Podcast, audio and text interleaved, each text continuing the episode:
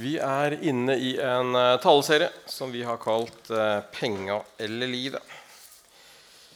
En taleserie gjennom fastetida som vi er inne i nå, før eh, påske som nærmer seg etter hvert. Så har vi forskjellige undertitler på den hovedtittelen, og i dag har jeg tatt undertittelen 'Den gode balansen'. Vi skal se på noen områder knytta til det. Og Noe i disse talene vi bruker denne, i denne taleserien, er inspirert av en bok av eh, Stian Kilde Aarebrot som heter 'Kunsten å forme livet plastisk teologi'. Den får du kjøpt i bokkiosken ute i foajeen etterpå i, eh, hvis du ønsker det. Eh, Den kan anbefales. Den er skrevet i 2018, også før pandemien, men allikevel veldig aktuell i dag, da den handler mye om vaner, gode vaner, hvordan bygge vaner, og hvordan hjernen vår former seg, og hvordan hjerner og vaner henger sammen. Da. Etter to år med pandemi så har det blitt mange endrede vaner for mange av oss. Så det er egentlig veldig mye som gir mening når man leser eh, denne boka.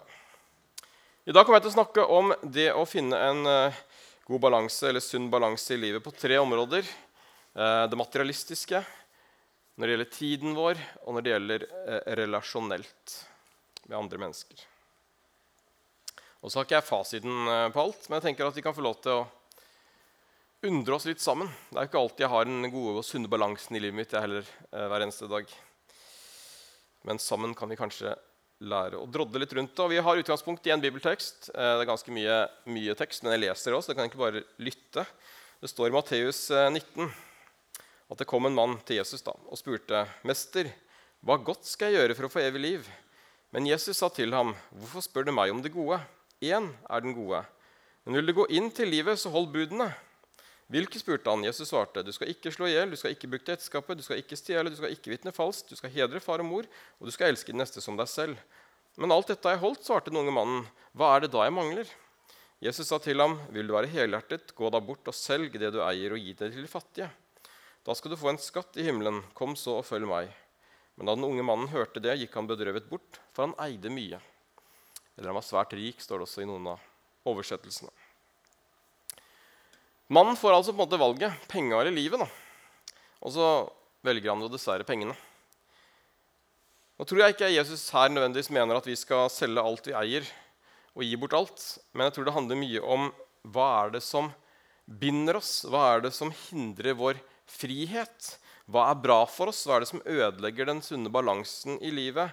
Og I dette tilfellet så var det penger, og det tror jeg Jesus skjønte. at Han satte nok de pengene litt høyere enn det som var sunt. Og Fortellingen om den rike mannen kan også utfordre oss som bor i Norge spesielt, fordi vi nettopp bor i et veldig rikt land med alt det fører med seg på godt og vondt. Og Hvis du går inn på nettsiden givingwhatwecan.org, så kan du skrive inn din årslønn etter skatt eh, og se hvor rik du er i verden da, sånn, i prosent. Så Jeg testa på meg sjøl og kom opp blant verdens eh, 6 eh, rikeste. Og sidene oppmuntrer også folk til å gi, så de viser også hvor rik du er hvis du for ga bort 10% av årslønna di. Og For min egen del da, så var jeg fortsatt blant verdens 7% rikeste, selv om jeg ga bort 10% Så Det setter også ting litt i perspektiv, at man er, man er blant de rikeste i verden, uansett hvordan man snur og vender på det når man bor i Norge. Men det viser også at materialisme og kjærligheten til penger og til ting det er en fare for oss som bor i Vesten spesielt. Jeg tror at det er så lett å ha fokus på dette og lett å ønske seg stadig større hus, bedre bil, ny mobil osv. Og, og så er jo spørsmålet blir vi lykkelige av det, og klarer vi å ivareta den sunne balansen da, i en materialistisk hverdag. En som heter Paul Otto Brunstad, jeg var heldig å få lov til å ha han som foreleser noen år når jeg studerte i Bergen. Han skriver i en bok 'Seierens melankoli' om mennesket og hamsteren. hvor han skriver, Det er jo mye tekst der òg, men jeg leser det òg. Vi hamstrer hele tiden, samler frenetisk som om det lå en kald og hard vinter foran oss. Forskjellen mellom oss og hamsteren er at det for oss aldri kommer noen vinter, mens hamsteren en dag kjenner at vinteren er i anmarsj, og derfor trekker seg tilbake til et rolig dvaleliv for å nyte det den har samlet. Vi derimot hamstrer videre. Det kommer aldri til noe brudd, til overgang eller veksling. Det blir en evig høst der en høster hele tiden. Tiden for å nyte godene en har slitt for å samle, er det mindre av. Rommet for ettertanke og ro er borte. Derfor blir det heller ingen takknemlighet, ingen glede over det som er samlet. Hamsteren ligger godt og varmt i sin lune hule og nyter fruktene av sitt arbeid.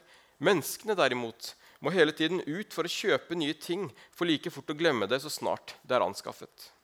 Bak denne bulimiske konsumeringen som aldri gir rom for hvile for brudd for en annen tid, ligger den tapte rytmen, den tapte tiden, da det fantes veksling mellom arbeid og hvile, mellom det å samle og det å nyte, mellom hverdag og fest. Jeg syns han skriver det godt eh, her, Paul Otto, litt av den hverdagen vi lever i. Og det er dessverre lett at det er pengene som rår over oss, eller tingene, istedenfor at vi rår over pengene eller tingene. Jesus sier i uh, Matteus 6, 24, det står ikke på skjermen, men det står at ingen kan tjene to herrer.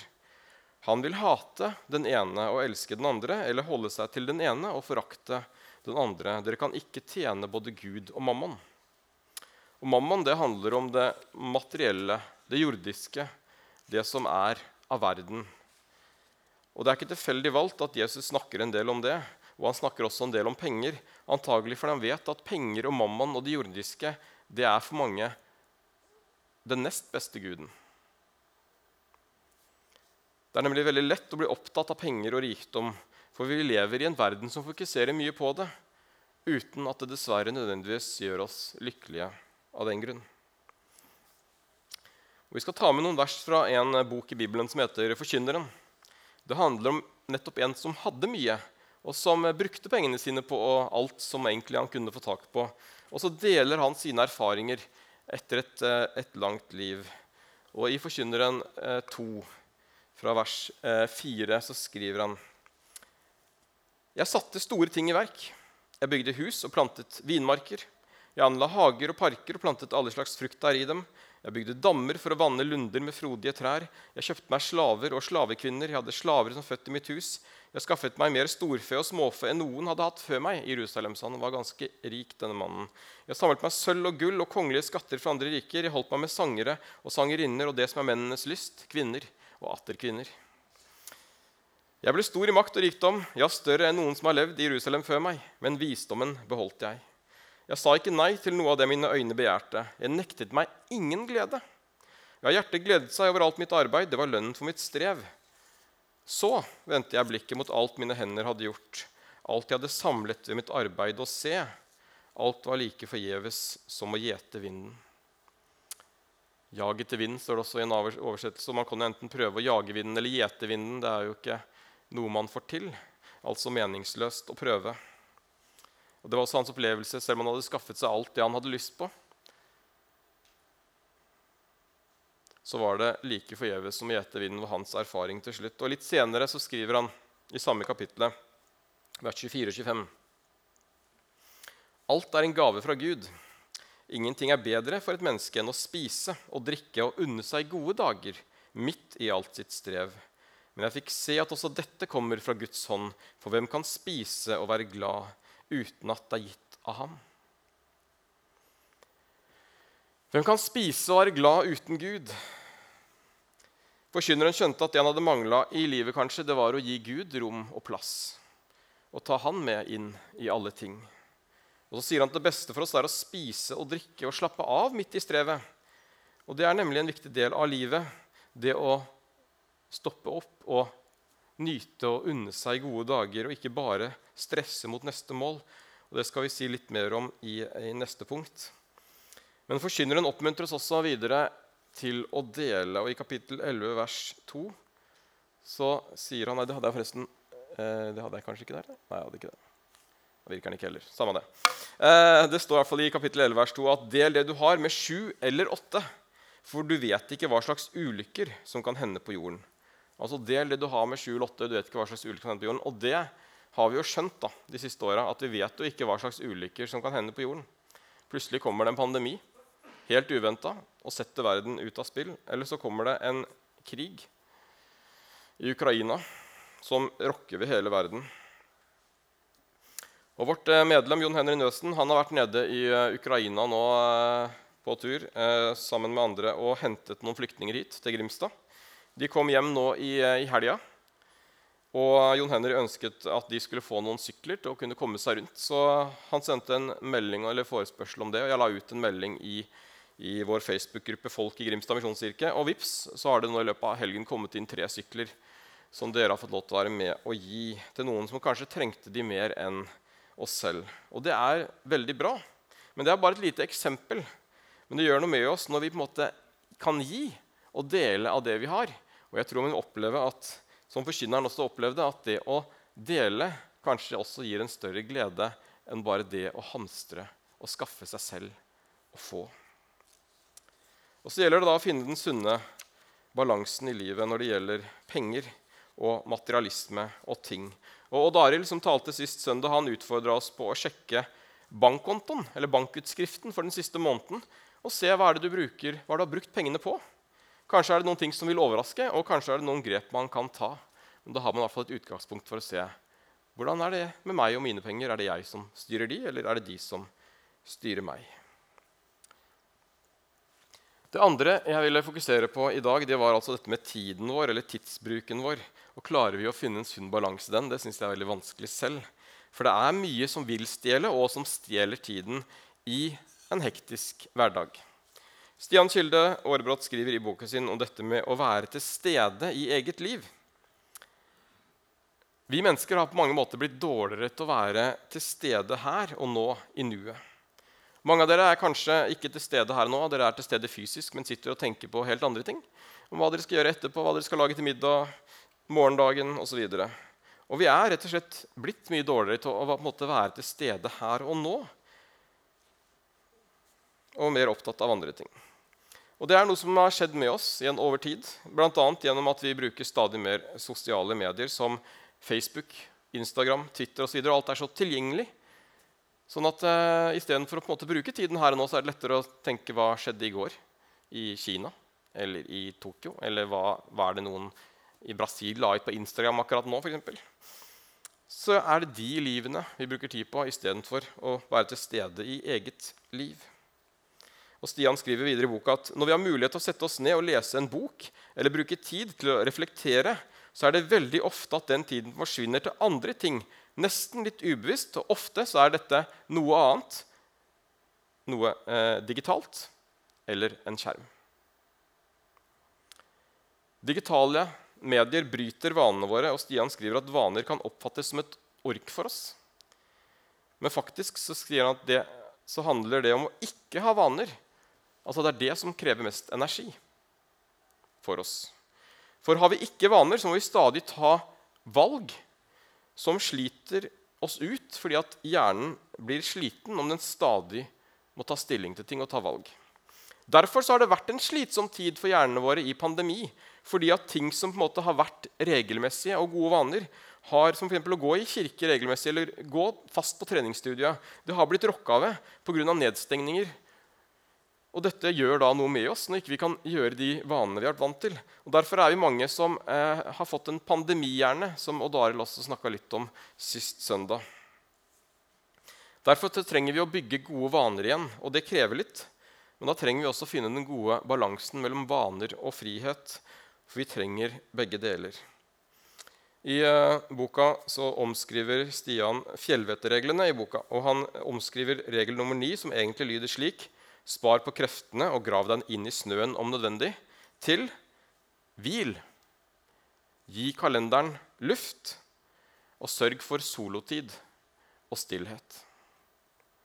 Og Det handler mye om eh, vaner og hva som er bra og sunt for oss. Vi trenger alle luft i kalenderen for å skape en god balanse mellom arbeid og hvile, mellom stadig å ha noe å gjøre og det å ikke ha så mye å gjøre. Og det på en måte å bare være til stede andre steder eller være til stede i eget liv. Og så trenger vi begge deler. I eh, klagesangene 3.26 så står det det er godt å være stille og vente på hjelp fra Herren. Men hva gjør det da med oss når vi sjelden tar tid til å være stille, eller det aldri er stille rundt oss, og den tiden vi kunne brukt på å være stille, den fyller vi fort med andre ting. Det kan vi jo tenke litt på. mens vi snakker litt om det tredje området som jeg mener at vi kan trenge en god balanse i livet på. Det er det relasjonelle eller det sosiale. Fordi at eh, man sier mye om at ensomhet eh, sies å være den nye pandemien, på en måte. Og den har virkelig blitt forsterket de siste to årene når vi har blitt oppmuntret til å holde avstand til andre mennesker, til å begrense sosiale sammenkomster og være mer for oss selv. Og i alle disse teknologiske fremskrittene, som jo har skjedd på utrolig fort i de siste ti årene, så er det også en skyggeside som vi kanskje ikke snakker alltid nok om, som hindrer vår frihet også på mange måter. I tillegg til at Under pandemien så har jo flere bedrifter funnet ut at hjemmekontor det fungerer jo greit, og det sparer oss for penger. Vi trenger jo ikke leie kontorlokaler, folk kan jobbe hjemmefra. Så er det flere som har valgt den veien videre også. Og Det er jo også bekymringsverdig, for det betyr at vi snart kan gjøre alt hjemmefra uten at vi egentlig trenger å treffe andre mennesker. Og spørsmålet er hva gjør det med oss? Så jeg kan ta arbeidsdagen hjemme. Jeg må ut og levere barn i barnehagen. Det har fortsatt ikke kommet noen løs digital løsning på det, men det kommer sikkert. Og så kan jeg ta arbeidsdagen hjemme. Og så kan jeg bestille pizza fra pizzabakeren til middag på nettet. trenger ikke gå ut. Heldigvis kommer det fortsatt et menneske og leverer pizzaen på døra. Men jeg vet at i andre land har de begynt å ta, imot, ta i bruk droneteknologi for å levere pizzaen med droner, så man slipper å levere med mennesker. Og så kan jeg bestille matvarene mine på nettet, så jeg slipper å gå på butikken og møte mennesker der. Og hvis jeg skulle gå på butikken, eh, så kan jeg også velge å gå i hurtigkassa og skanne mine egne varer og slippe å forholde meg til mennesker der også. Jeg kan studere som fjernstudent og sitte hjemme og ta og studere i, en annen by om jeg ønsker det. Jeg gjorde det litt i høst sjøl, faktisk.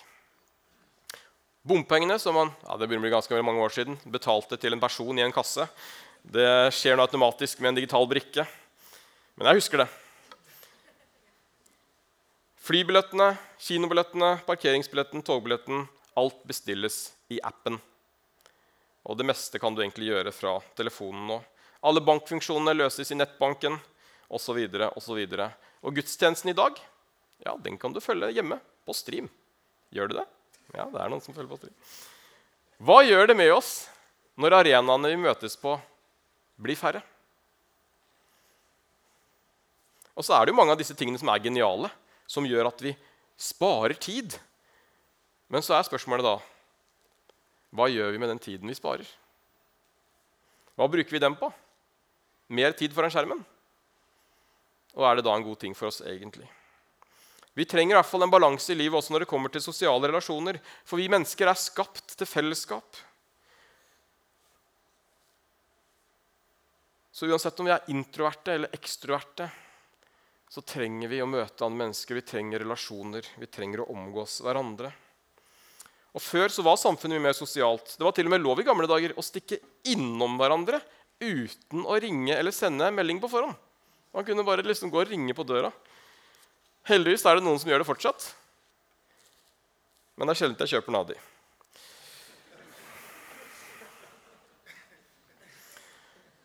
Men midt i all teknologien som vi omgis med, og selv om verden har blitt mindre, og vi kan se hva som skjer med mennesker i andre steder av verden med et tasteklikk, så er avstanden mellom menneskene på mange måter blitt større. Er det bra for oss? Jeg bare spør.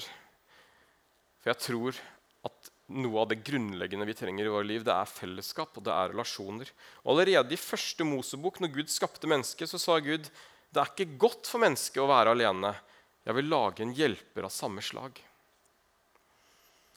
Mennesket trengte fellesskap i skapelsen, og vi trenger det fortsatt i dag. Men noen ganger så lurer vi oss selv og tenker at ja, men de sosiale mediene de gir oss jo fellesskap. Tusen venner på Facebook. Vi er sosiale på TikTok eller på Instagram. Men det er ikke det samme. Og så trenger vi kanskje å minne hverandre på den viktige samtalen rundt bordet. Eller måltidsfellesskapet rundt bordet. Jeg tror det er viktig. Hvis vi ser på Jesus og disiplene, så var det ofte samtalen rundt bordet. Nattverdsmåltidet rundt bordet. De spiste sammen og hadde fellesskap. Og Det er en grunn til at stadig flere mennesker, tross moderne teknologi, oftere kjenner seg ensomme i dag enn for en del år siden. Til slutt så står det i Lukas 12, 34. For hvor skatten deres er, der vil også hjertet deres være. Og Legg merke til at det står der din skatt er, vil hjertet ditt være. Det er ikke motsatt. Så det er der vi på en måte putter skatten vår. Der følger hjertet etter. Så hvis du vil at hus skal være viktig for deg, så bruk pengene og tiden din på hus. Bruk, da følger hjertet ditt etter der. Vil du at bil skal være viktig for deg, så bruk penger og tid på bil. Så vil hjertet ditt følge etter på bil. Og så er det mange andre ting vi kan bruke. Men der vi på en måte putter skatten vår, der vi putter tiden og fokuset vårt og midlene våre, der følger hjertet etter. Så hvis tid er viktig for deg, så frigjør tid. Fokuser på tid. Ikke fyll den opp hele tiden, og bygg gode vaner som gir deg tid, som du kan bruke på andre ting enn det man ofte bruker den på. For tiden er dyrebar. Ønsker du fellesskap og nye relasjoner, så sett det på agendaen. Ikke vent på at noen skal ringe på din dør, men inviter noen hjem, eller gå og ring på en annens dør. Eller her i kirken kan du også velge å bli med i en smågruppe som møtes i hjemmene ca. hver 14. dag og deler tro og liv sammen. Og Det kan anbefales spesielt, for da får man en god vane hver 14. dag hvor man møter andre mennesker til fellesskap. Faste samlingspunkt. Også her. Komme sammen på gudstjenester, komme sammen med andre mennesker. Vi trenger det. Og det er ikke alltid at det vi tror vi lengter etter, er det vi nettopp trenger i livet. I 2009 så vant eh, Susan Boyle Britain's Got Talent, talentshowet, med sin vakre stemme. Før det, før hun deltok der, så var hun en, en ukjent person fra et uh, lite sted. Men hun uh, tok dette talentshowet med storm. Hun uh, gikk videre og videre, og til slutt vant hun finalen og ble berømt. Hun ga ut sanger, hun opptrådde på store scener, hun tjente mye penger. Og det, mange, og det, er jo mange som drømmer om noe lignende. Det ser vi jo på mange som melder seg på. Sånne ting, at Vi tenker kanskje at det er livet. Å bli som Susan Boyle. Fordi vi ofte tenker at vi vil ha det vi ikke har. Og så er spørsmålet hvordan gikk det da med Susan Boyle etter suksessen? Ble hun lykkelig? I et intervju for noen år siden så sier hun følgende Jeg skylder på min formue og min berømmelse for at familien min har gått i oppløsning. Og Det sier jo litt, det også. Hun ble anerkjent av verden slik hun hadde drømt om. Men livet ble ikke nødvendigvis enklere av den grunn. Problemene forsvant ikke. Og jeg tror hun opplevde litt kanskje som forkynneren skrev om at det ble egentlig litt jag etter vind. Allikevel er det mange som drømmer om det samme.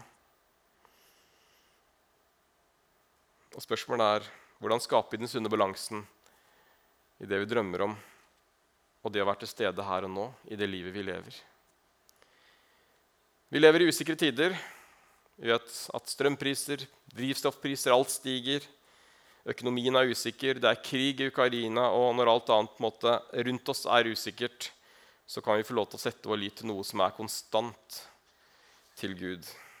Så finn den sunne balansen i ditt liv, både når det gjelder penger og ting, når det gjelder tidsbruken din, og når det gjelder fellesskap og relasjoner til andre mennesker. Det er dagens utfordring. Og så kan du jo ta den på strak arm og invitere noen med deg på en liten tur ut etterpå. Eller invitere noen hjem på en kopp kaffe. Eller bruke tiden til å ta litt egentid og reflektere rundt hva det er du bruker tid, penger og livet på. La oss be sammen. Yes, kjære far, takker deg for at du utfordrer oss til å se på livene våre, på hva vi bruker tid på, hva vi er opptatt av, og hva som er viktig for oss. Må du hjelpe oss som bor i Norge spesielt, kanskje, som, eh, som kan lett bli opptatt av eh, materialistiske ting og, og, ting som opptar oss, og som stjeler tid, og digitale ting. Må du hjelpe oss til å finne den sunne balansen i livene våre, far. Finne ut også hva, hva er det du ønsker, far. Hva er det du ønsker at vi skal bruke tid på? Hva er best for oss? Noen ganger så ser vi det kanskje ikke selv heller. Må du gi oss visdom, far, og hjelpe oss til å finne ut av hva er det vi ønsker å prioritere. Er det, hvor er det vi ønsker å putte hjertet vårt for? Velsign hver enkelt som er her nå, far. Hjelp oss i den tiden som ligger foran, til å søke deg først og få alt det andre i tillegg, og ikke omvendt. Vi ber i Jesu navn. Amen.